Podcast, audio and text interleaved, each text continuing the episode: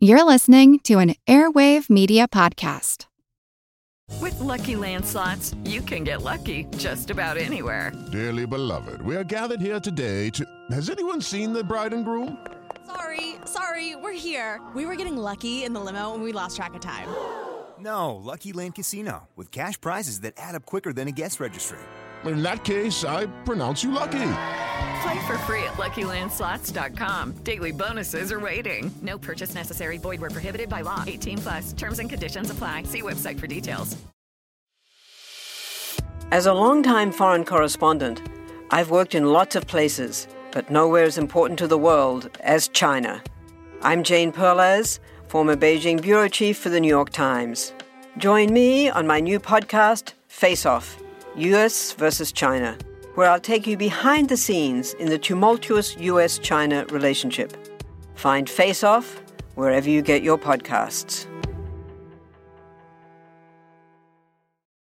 You're listening to an Airwave Media Podcast.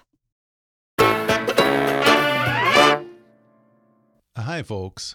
You know, crisis comes in all shapes and sizes. Sometimes we see it coming, sometimes we don't. Frank Supovitz has spent more than 30 years creating, managing, and producing major sports and entertainment events for the NFL, NHL, and the Stanley Cup. He's also someone for whom things went very wrong before a national audience of more than 100 million people when the lights went out during the Super Bowl at the Superdome in New Orleans. Now, in his new podcast, When Things Go Wrong, Frank speaks with professionals in all walks of life and business about how they have handled crisis and adversity. From the Super Bowl to the Boston Marathon, from personal struggles to nationwide traumas, from natural disasters to breakdowns of technology, and much more, guests will talk about how they managed these crises and the lessons learned that they pass on to others. You're about to listen to a special episode of When Things Go Wrong in which Frank talks with Jeffrey Miller, former chief executive in charge of security for the NFL, and the current vice president of security for the Kansas City Chiefs. Jeff talks about Super Bowl security and then discusses the most difficult experience of his professional life managing the unfolding tragedy of a school shooting in front of media from around the world. So I hope you like this episode, and if you do, please listen and subscribe to When Things Go Wrong on Apple Podcasts, Spotify, or wherever you get your podcasts. And now, when things go wrong.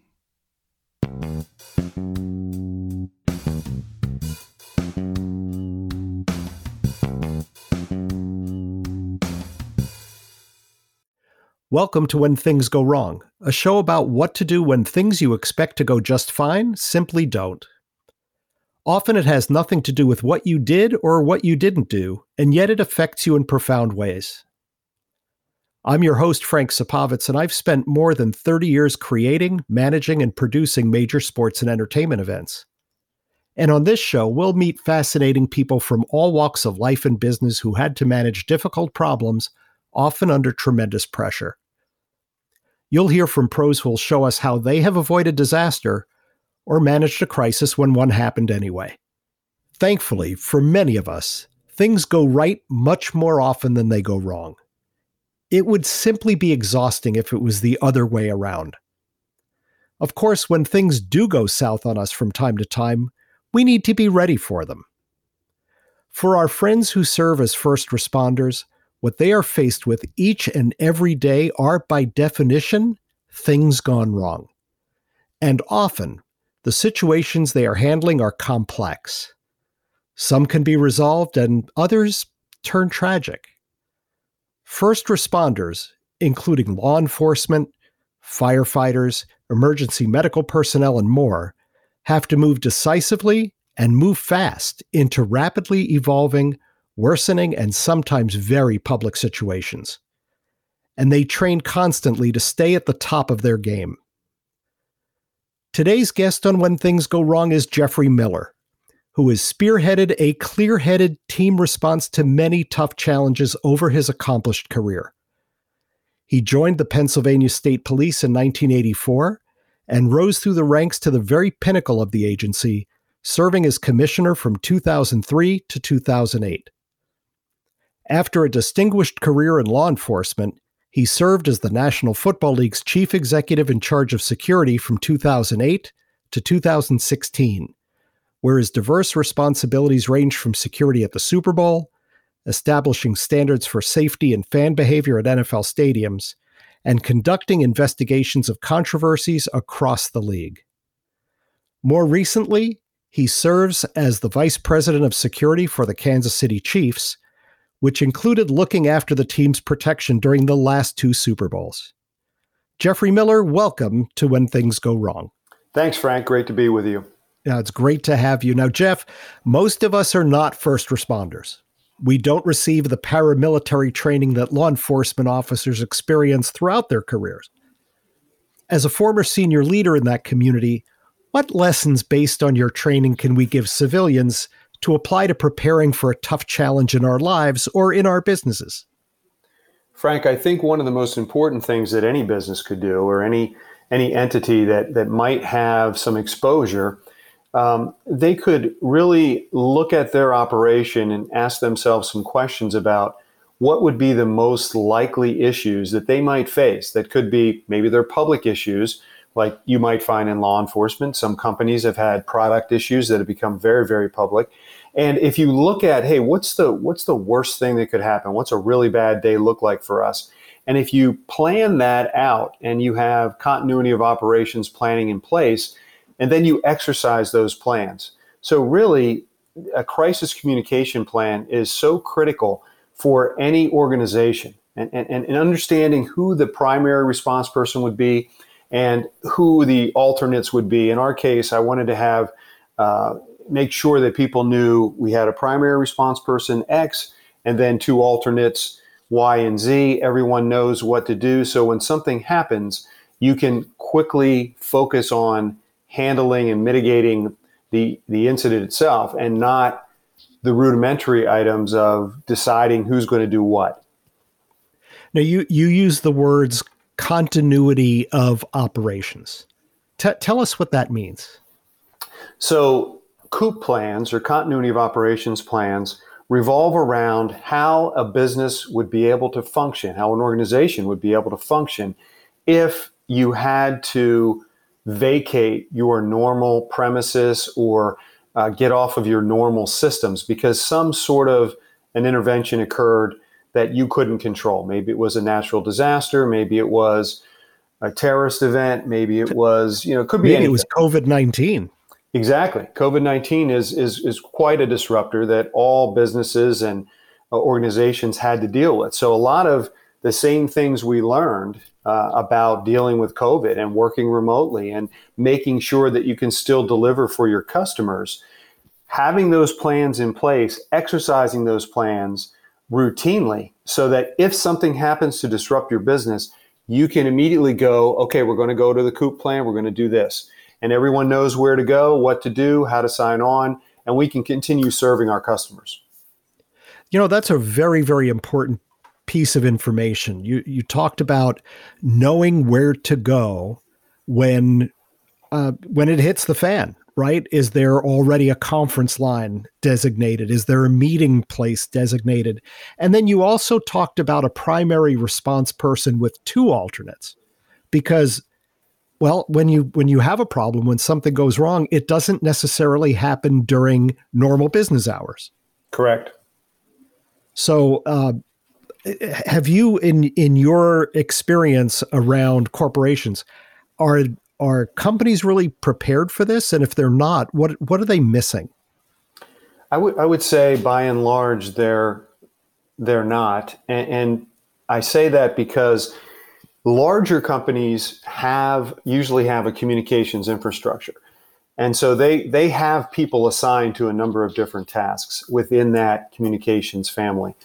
However many companies that I've dealt with don't really plan for what are the things that could really impact my business. If the worst case scenario occurred what would we have to do? Would we put the ceo out there? Would we would we put our primary communications pr people out there? Are they trained to be able to handle crisis communication? Because that's different than regular you know putting out a news release because you hired a new cfo that's a total different thing than handling crisis communications activities so I would say, you know, but then smaller businesses, many of them don't even have the infrastructure. So they get caught short.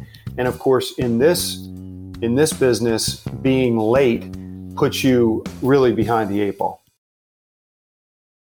And that primary response person having having a an alternate to that or that person or two alternates to that person, at least it gives you a chance if for whatever reason that primary person is not available. They may be on vacation. They may be on a cruise ship somewhere. They may be uh, otherwise just uh, you know not uh, disposed to be able to to handle a problem.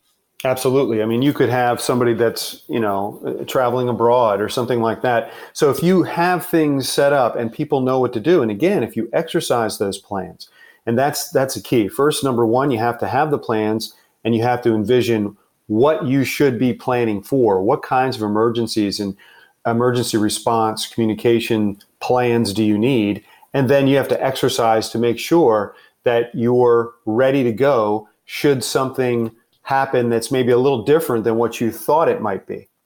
So let's talk about that a little bit. As, as a first responder, you would regularly participate in drills that simulated responses in the field. Now, you and I, when we worked together, we, we worked on multiple Super Bowls. And when we did, all of our colleagues in decision making capacities participated in what was called a tabletop exercise. You remember those? Yes.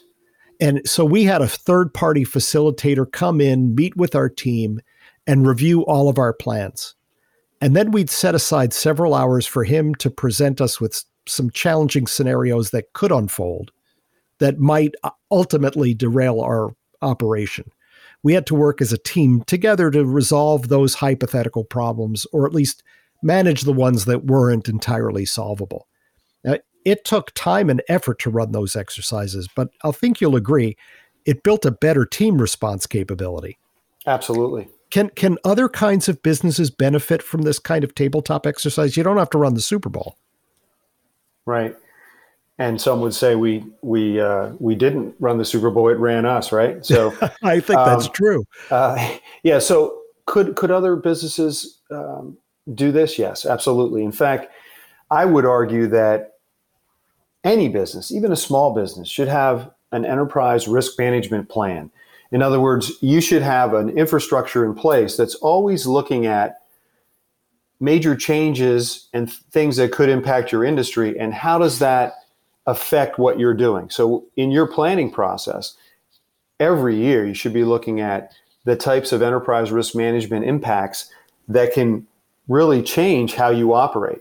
And if you're doing that on a regular basis, some companies have an enterprise risk management committee or team that represents different parts, maybe the operations, maybe the planning, maybe the administration, all the different parts are represented to then go through the exercises of what are the biggest things that could affect our business. So if you have that in place, then the tabletop exercise that that you and I engaged in uh, and that works so well um, can be put in place on an annual basis and you can bring in your outside partners or your remote operations personnel to participate in this and you can throw in different things that might occur okay we're doing x and we're doing y well just a minute this happened uh-oh now we have to shift on the fly but again it's much more it's much easier to do that if you've taken the time to put the infrastructure in place and to plan regularly and then to exercise this regularly. You'll be much more confident in how you discharge your functions.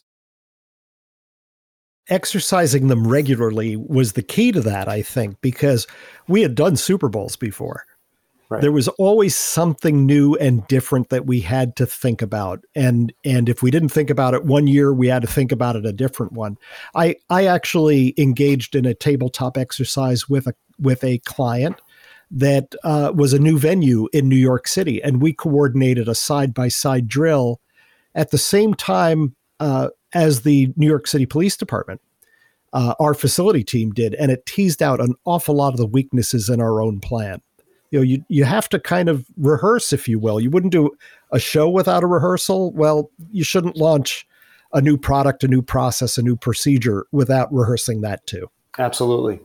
Yeah. So let's talk about one of the most difficult crises that you faced during your career as commissioner of the pennsylvania state police.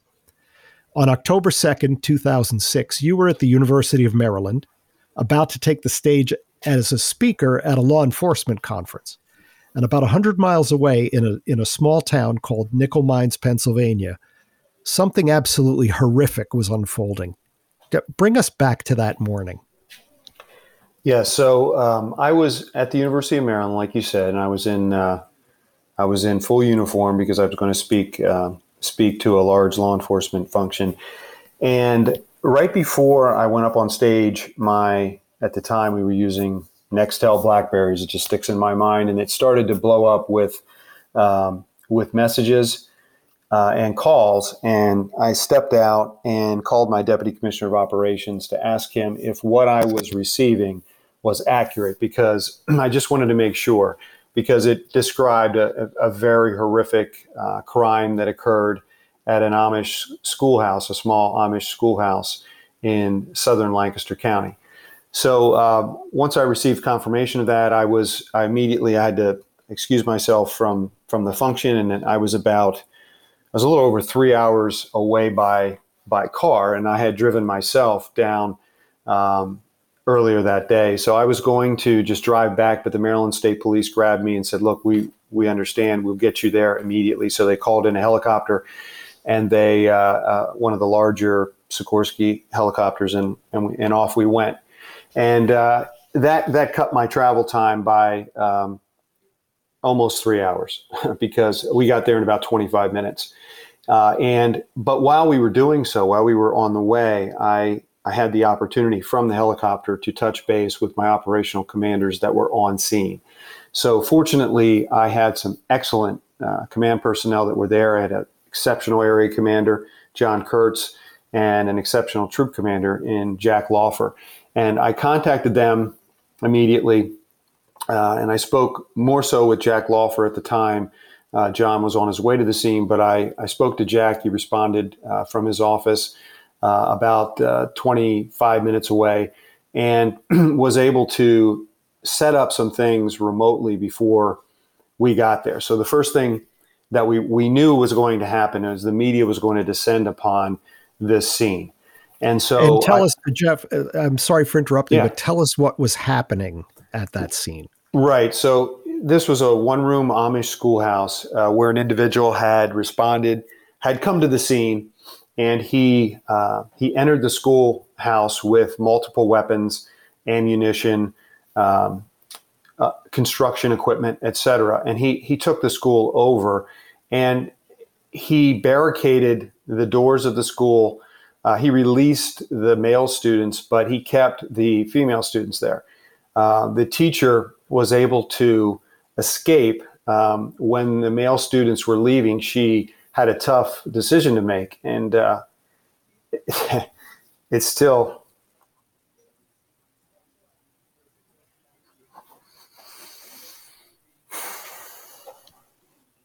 I'm sorry. No, take your time, Jeff. I just didn't think that would still affect me this many years later, but it does. well, it was a horrible day, so I I yeah. can totally understand. In any event, the teacher uh, she was able to run from the school, and again, it was a tough it was a tough decision on her part because she basically left her remaining students in the hands of this person, and uh, she ran. I mean, at an Amish schoolhouse, you don't have access to a telephone, so she literally ran as fast as she could to uh, a farmhouse uh, located uh, about a quarter mile or so away, and where she where she believed there was a phone uh, in one of the barns, and she made it there. She was able to um, have have that person contact uh, the police, and so we became aware. We, the state police, became aware of the incident uh, as it was unfolding, much much more quickly than the perpetrator had planned for. He he had planned to barricade himself in the school. He had brought um, KY jelly and other things. He was going to sexually assault and murder these these children. Fortunately, uh, he didn't get to do all of that. He did um, shoot a number of them, kill a number of them, uh, after he zip tied them together face down on the floor. Uh, but that didn't happen until a little later. So the bottom line was we became aware of it. Our people responded. Our people are trained, did not want to escalate the situation, so they took up positions around the school. Uh, one of my one of my folks that was there, a first line supervisor at the time, uh, Sergeant Doug Burig, excellent, excellent uh, uh, trooper. He was also trained as a negotiator for our special emergency response team. So he was attempting to contact this individual inside who was barricaded in the school. Now, our people didn't know at that time that the school was going to be difficult to penetrate. Um, they just knew that they didn't want to force anything to happen. The best thing to do is communicate, open lines of communication, see if we can de escalate the situation. Um, other other uh, resources responded and uh, took up a position, and we we made sure that our people were as out of sight as they could be, but ready to respond. Uh, the troopers at the scene wanted to go into that school, but we did not want to create a scenario where violence occurred that we could avoid. So basically, at one point, the perpetrator actually dialed uh, 911 and spoke to dispatchers who knew that obviously the state police was on the scene there. And he basically said that if he if we didn't pull our people away that he would start to, to kill these kids.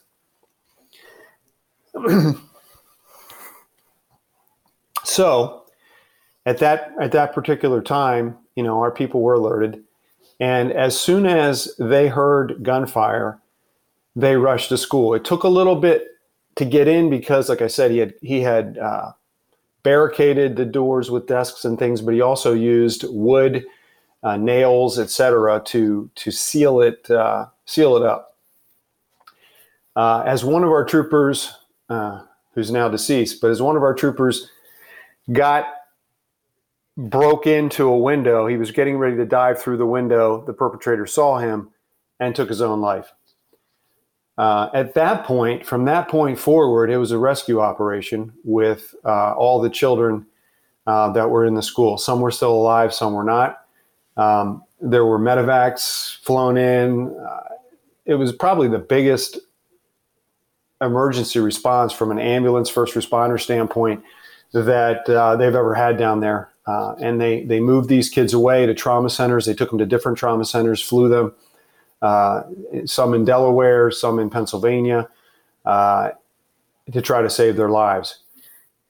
At uh, sometime after that is when I responded to the scene. Um, a short time later, coming from Maryland, and as I remember, as we approached the scene, uh, I could I could see from some distance away, somewhere in the neighborhood of six or eight helicopters circling um, the area, and and mo- I think almost all of them were uh, media helicopters from Philadelphia, New York, uh, et cetera. And of course, I, I knew that there was going to be um, a, a, response to this, and I'm also, you know, I was also familiar with the Amish community, having grown up in Pennsylvania, so I knew that we had to do some things quickly. One of those things we did when I talked to uh, Captain Laufer on the phone is make sure that we have a media staging area away from the scene, but close enough, right? So they we picked a place. They picked a uh, an auction house up on a hill that was about a mile away. You could see the scene. excuse me. You could see the scene from there, but you uh, were not on top of the, the scene because obviously we had a lot to do with the scene. Um, and I wanted to make sure that Captain Laufer ensured that everybody understood that we would be briefing them as quickly as possible. We had uh, our PR staff on the way from Harrisburg, uh, and of course, I was coming down there. And the governor, the governor spoke with me and uh, agreed that it would be best that I handle the um, not just overseeing the investigation that we were doing, but also the media response and the briefings, because uh, having someone from the governor's office uh, in Harrisburg try to do that either remotely or without the knowledge of how we operate, it would it would have been more difficult. And we had to be quick. So um, my goal was to get out in front of the media within 45 minutes to an hour of, of responding to the scene. So I got there, got out of the helicopter. I, you know, looked at the schoolhouse, eh, you know, um, from the outside through the windows, examined the scene, but didn't want to uh, contaminate anything from an evidence perspective. Uh, and then gathered with my command staff, et cetera, uh, received information from them. Basically, I just filtered myself what, what needed to be put out there. And, and we can talk about some of the things that, that go into that. Uh, there is a lot of pressure, obviously, uh, to get to get out there quickly. In this case, there was even more pressure in the sense that this Amish community is a very tight knit uh, community in uh, Lancaster County, and we did not want to see them re-victimized.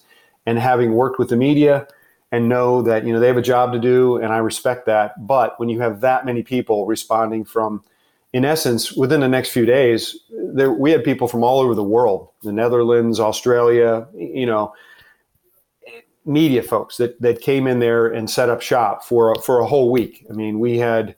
Uh, Nightline, we you name it, they were there. So it was a situation where we wanted to make sure that the media understood that we weren't just some mom and pop operation and they weren't going to get briefed adequately, which would lead them to go out into the community and start putting cameras in people's faces and microphones. And these are people that do not want to even be photographed. Right. So there, there's a lot of things that went into it. So I knew that if we could get on the air quickly, factually, with what we knew at the time and let them know we're going to come back and we're going to brief you as needed. The next briefing is approximately at this time because we were gathering information, we were putting things together, uh, and the media the media just wants to know what happened, why did it happen, how could it happen. Um, so there's a lot of that sort of information you're trying to gather. And and you want to be the the authentic, authoritative source of that information. Correct. You don't want that coming from other places. That's that's right, and and um, you know there there were there were other things that complicated matters because you have um, you have a coroner, you have other elected officials, a district attorney. So these are all people that I interfaced with and and basically said, listen, th- this is how we're going to do this. This is how I believe we need to do this. Um, obviously, I I don't have uh, the authority to order an elected official to do X, Y, or Z. But we we met and there was a meeting of the minds, if you will, and this is how we did it because I did not want alternative versions of what we learned because I knew I was going to get it. I had seen some of it myself, and I was going to get it directly from my investigators. And so I met with them regularly and had our PR people present and you know literally i we had a command post that we brought in there were times you know i remember doing an interview with john king from cnn while standing in the middle of a field. Um, you know just doing an interview with him or talking to the governor and talking to uh, county commissioners or whatever. You know you name it we we were doing it and we were doing it right there. But we had the people there. We had our command operation. We had a perimeter. We had everything established. We had the staging area, we had the location that I would go and brief the media. Uh, we had adequate space for them to come in and set up their cameras. In fact, there's a picture behind me on the wall which shows uh, that someone took that I, I kept that shows maybe, I don't know, 100 cameras and all stacked up and, and radio people, etc. And so that's that's that's how we did it. We got out there and we did it. Fortunately, I was well trained by the, the FBI in how to do these things. If I had not had that training and the ability to really practice this stuff during the training process at the FBI Academy, I probably wouldn't have been as comfortable in handling this.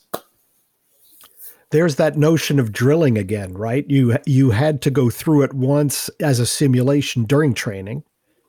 Then you had to put it into effect in real life. And you you conducted the first press conference, but I'm sure there were lots of things you still didn't know. Correct. That people wanted answers to. Mm-hmm. So how did you handle that? So one of the things I tell people when I've spoken on things like this or crisis communication is don't be afraid to say you don't know. So it's it's it's very important to get out there quickly, but it is more important to be accurate. So when you get up there, look, this is what we know. Here's what we know at this time. We expect to know more. Boom, boom, boom. I can remember in this situation there were basic facts that I had in the beginning, and I didn't want to go beyond what I knew, and I wasn't going to, you know, make a jump to something that I thought, well, maybe no. What do we know? What do we know factually, and what can we release? And in this case, we had the benefit of the fact that the the perpetrator was dead. So we were not going to have to prosecute this case in court. So that freed me up a little bit on what I could say. And my goal was to be as transparent as I could possibly be, provide them with as much factual information as I could. And that's what I did. And I think by doing that, and by being punctual and prompt and factual in what we released. And we did this, I did briefings multiple times a day for like a week. By doing that, they became comfortable with the fact that, okay, these people know what they're doing and they're going to give us the information so that we can do our jobs. We will respect what they've asked us to do in return. So it was a it was a give and take and a win-win. Did did you from time to time kind of give them an, an advance warning that you would come back to them with additional information or give them a time frame on when you would? Absolutely. At every formal briefing than I did, I would announce to everyone there at the end of it that we anticipate coming back to you at this location in three hours. You know, and in, in the beginning, it was more frequent. And then after that, as we gathered some more information leading up to the final large press conference we did with with the governor uh, standing right over my shoulder, and uh, you know, uh, it was carried live. I forget now, but they told me every market in the United States carried it live for 45 minutes to an hour, which is I don't even know if that would happen today, to be honest with you. But this was just one of those things. It was such a terrible situation. Uh, but going back to what you said, Frank, another thing I wanted to mention is you know, when you do a briefing like this, you are not just speaking to the media. You're speaking to your personnel. You're speaking to the vic- in this case the victims, their families, um, their friends, the community. And so some there were things that we did uh, at times, and one of the things we identified right away was we wanted to have a liaison with the Amish community. Obviously, the victims' families were families that we got to know during this case and and became close with over the years. But at that moment, we wanted to have uh, an individual from the Amish community that we could talk to that was somewhat um, distanced, if you will. Like this person didn't have uh, a relative that was killed or something like that. But so we had a we had an elder uh, in the Amish community there that we worked with. So I had my Area 1 commander work directly with him. So if we had something that we were going to do um, that I thought could have an impact on the Amish community, if I said this or if we, we talked about this, we ran it by him first to get their feedback and their input. And they greatly appreciated that. In fact, when, and this is just something that we did, but we use horses in the state police in, in our, you know, uh, civil disobedience or protests or whatever. We we use them. So for the funerals at the very end of the week, we we used our horses as as part of that, and they were really touched by that because they felt like we were reaching out to their way of life, if you will, in in embracing that as part of what we did to protect the community at the time when they were when they were burying these young kids.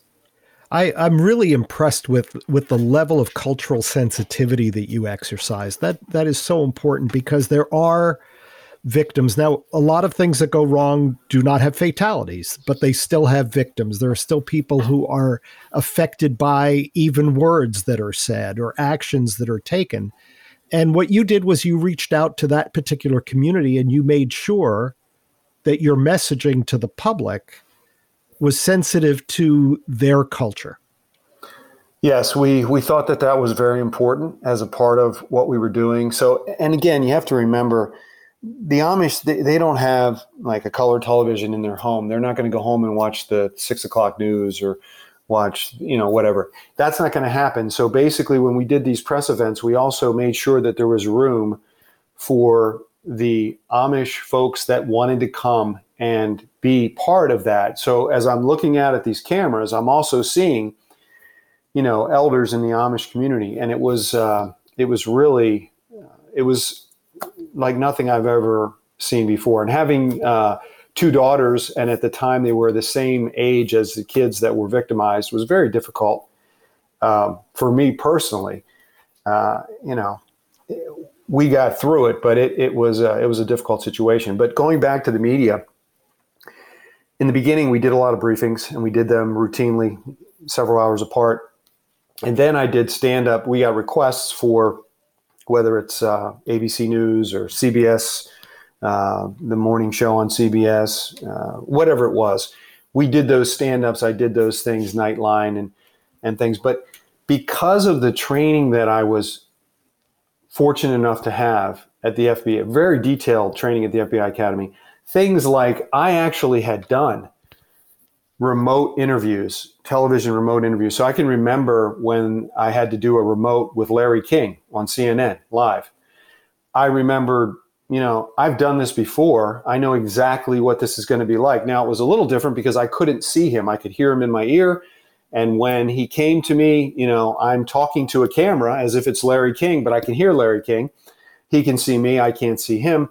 It's a little strange to do that, but having done it in an academic practice uh, environment, it, it pr- presented me with the confidence that I knew how to do this, and it's just another one of these, and I'm going to do it. And so I did so many of them uh, during the course of that week, different ways, different live, taped, whatever. Um, we did that, and we tried to give them uh, as much information as we could. The biggest question that the media wants to know when you have a situation like that, and, and we've had obviously we, we've had a raft of, of active shooters lately that have been, you know, just terrible. But what, what people want to know, what the media wants to report on is why did this happen?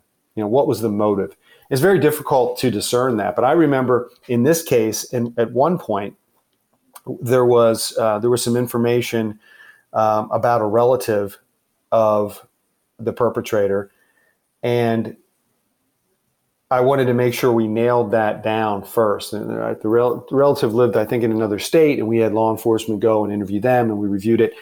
But when I was being asked questions, I said, "Listen, I'm not going to speculate. I don't know the answer to that question. When we get facts that we can share with you, we will do that." And I think I had developed some credibility with them because I think they were a little bit surprised by how transparent I was. And again, we didn't have to prosecute the shooter. He was already dead. So that that gave me the chance to be more transparent and I really wanted to because I wanted people to understand what happened, answer their questions and get to the point where uh, we could have this media encampment move away from Lancaster County so the Amish could go back to life. So after a situation like this, a criminal situation, there's always an investigation. We're not going to talk about that because most most people will have to investigate what went wrong with whatever they did. When it comes to law enforcement, it goes on for a very long time, and and uh, an enormous number of details. What what I'd, I'm more curious in finding out is do you or do, does your team evaluate your response after something like this happens to determine if you could have handled it better and what you did well? Yes, yes. In fact, I remember during the incident when this incident when we were working this thing actively, I remember telling one of my deputy commissioners that listen, this is not the most important thing right now, but I want you to begin to catalog the information, et cetera. We are going to go back, obviously, and do an after action report on our response. But I also believe that there will be a great deal of interest in the law enforcement first responder community to learn from this. And in that community, we always try to learn from each other. If something happens in New York, we're up there, we're working with the NYPD, we want to learn from them. If something happens in our area, others will want to learn from us. So I wanted to make sure that we cataloged everything and we pulled everything, and we did. And so when we got to the point where this was done and we had done our after action, we, we received literally hundreds, if not thousands, of requests. I, I don't I don't even know how many places I spoke in Canada. I spoke uh, all over the United States. My rule was that the only people from the state police that I would permit to go out and speak at one of these events, and they came through my executive officer, and there was a decision made on who we would use to do it. Sometimes I did it. Um, sometimes we had a supervisor, et cetera. But I only allowed the people that were actually involved in the incident to be the ones that spoke about the incident. And again, it was more than just the media. That's just one aspect of it. But there's there are other tactical things about your response and your engagement and perimeters and what you do and how you do it. But we learned so much in that incident. And we we went and we we put together really a three hour presentation, almost like a seminar, if you will, on this incident. And we had actual 911 you know, radio communication. We had a lot of things and we laid it all out and we had video because there was so much media there, we were able to pull different things as well. But we put this together and the long one was about three, three and a half hours. And so if we were requested to do something like that, we would come and do it. Um, we also had some shorter ones for different specific aspects of, of this particular case. And literally, I, I spoke to some people at the state police maybe a year ago and they said that they uh, they were finally like 15 almost 15 years later not being requested as frequently to do this. But it's been used at the FBI academy. It's been used all over the place. So in that sense if you're thinking about it while you're in it you can pull the right information so that it, after it's all over you'll be able to go back and do something that might help others. And and you were able to actually reach out to others who had situations that ended up being somewhat similar, but your situation hadn't happened yet. You're getting a lot of intelligence and wisdom from people who had to tackle similar kinds of situations that would be common to your particular business being law enforcement. That's mm-hmm. that's fascinating. So I'm going to take you off the hook on on the rest of this story, which is really I know very emotional for you. I I did want to ask you a little bit about a, a mentor of yours that you gained some really valuable wisdom from in terms of managing the message. And that was retired Marine Lieutenant Colonel and FBI trainer at Quantico, Jim Vance. Tell us a little bit about him. Jim, Jim Vance is just one of the best trainers I've ever been fortunate enough to be around. And he was, he taught at the FBI Academy when I went through uh, the National Academy uh, in 1994, I believe. Uh, I went through uh, 1994. Yeah, I believe that was the year. Anyway, he was a he was a trainer at the academy, and he had spent a career in the Marine Corps, and he was basically the public information officer for the Marine Corps at one point. And he was very experienced and dealt with so many different incidents. But he uh, he was the one that put on the graduate level training um, that, that we actually got credit through the University of Virginia for taking, but it was exceptional. Some of the best training I've ever had. But this guy was he was he was quite a character, and uh, he he could tell the best stories you'd ever heard, and he was somebody who who really kept your attention because um, he he knew how to reach you. But he had something that stuck with me, and he he said, "Mess up, fess up, dress up." And and really, if if, if there's anyone out there from a, a business or an organization, if you if you don't remember anything I said, but just remember this: mess up, fess up, dress up. That's that's from Jim Vance, and Colonel Vance said that because you know if you make a mistake, if your company screws up, you mess up, you have to immediately fess up and dress up. He used to say, "You can't shine shit; it doesn't buff." Well, he's right about that, right? Mm-hmm. So think about it. It's very simple, but a lot of companies don't do this. They don't do it. They mess up, but they do not fess up. In fact, the delay in doing the fess up can really put you in a jam. So his thing was like, look, If you make a mistake, immediately own it. Get out in front of it. Look, this should not have happened. We made an error doing this. We should have done it this way. Here's what happened. Here's the impacts of that. We're trying to make that right. And then dress up. Here's how we're going to prevent this from happening in the future. We've already taken this, this, and this step, and we're going to follow up over the next six months with an outside vendor to do this and this and this. Th- these are simple principles, but I'm amazed to this day how many times I see this not happen. And if you don't get out in front of it, then others will define the narrative for you. So by the time you do get to respond, you are so far behind the eight ball. And now you're only dealing with trying to undo the narrative that they're talking about, not actually talking about the real narrative, right? So you you really put yourself at a disadvantage if you don't if you don't really think about it and get out there as soon as you can to define that narrative. And nowadays with social media, any number of people can can define the message for you. That's what's so important about this. If you can be out there authoritatively and genuinely taking responsibility, talking about what you're going to do in the future to keep it from happening, or just saying, I we don't really know what's happening or what happened. We're going to take a look at it and we will be back to you with an answer. Right? Absolutely. Absolutely. And you're right. Social media creates even more immediacy. Uh, and that's why you see companies, the, the sharp ones, are always monitoring this. So once they see something that's a negative for their company, that's gaining some momentum, they can quickly identify it and they can start to deal with it. Because again, you could you could lose a lot of uh, you know of your value if you if you're slow on the draw with this. We've been talking with Jeffrey Miller about how he responded to things going wrong over his career including while serving as commissioner of the Pennsylvania State Police.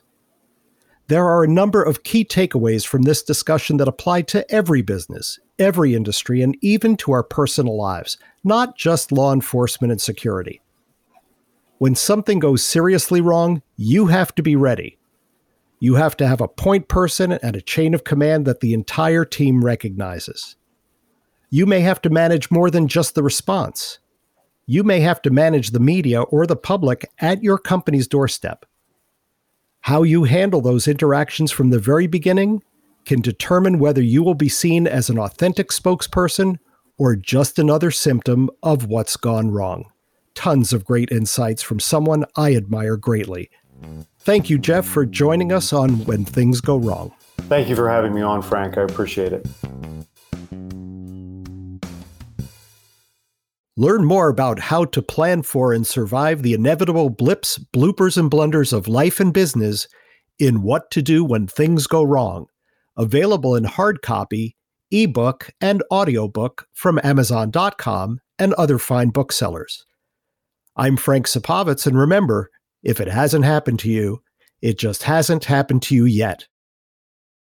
When Things Go Wrong is produced by Chris and Mandy Wimmer and is a production of Black Barrel Media in association with Fast Traffic Entertainment.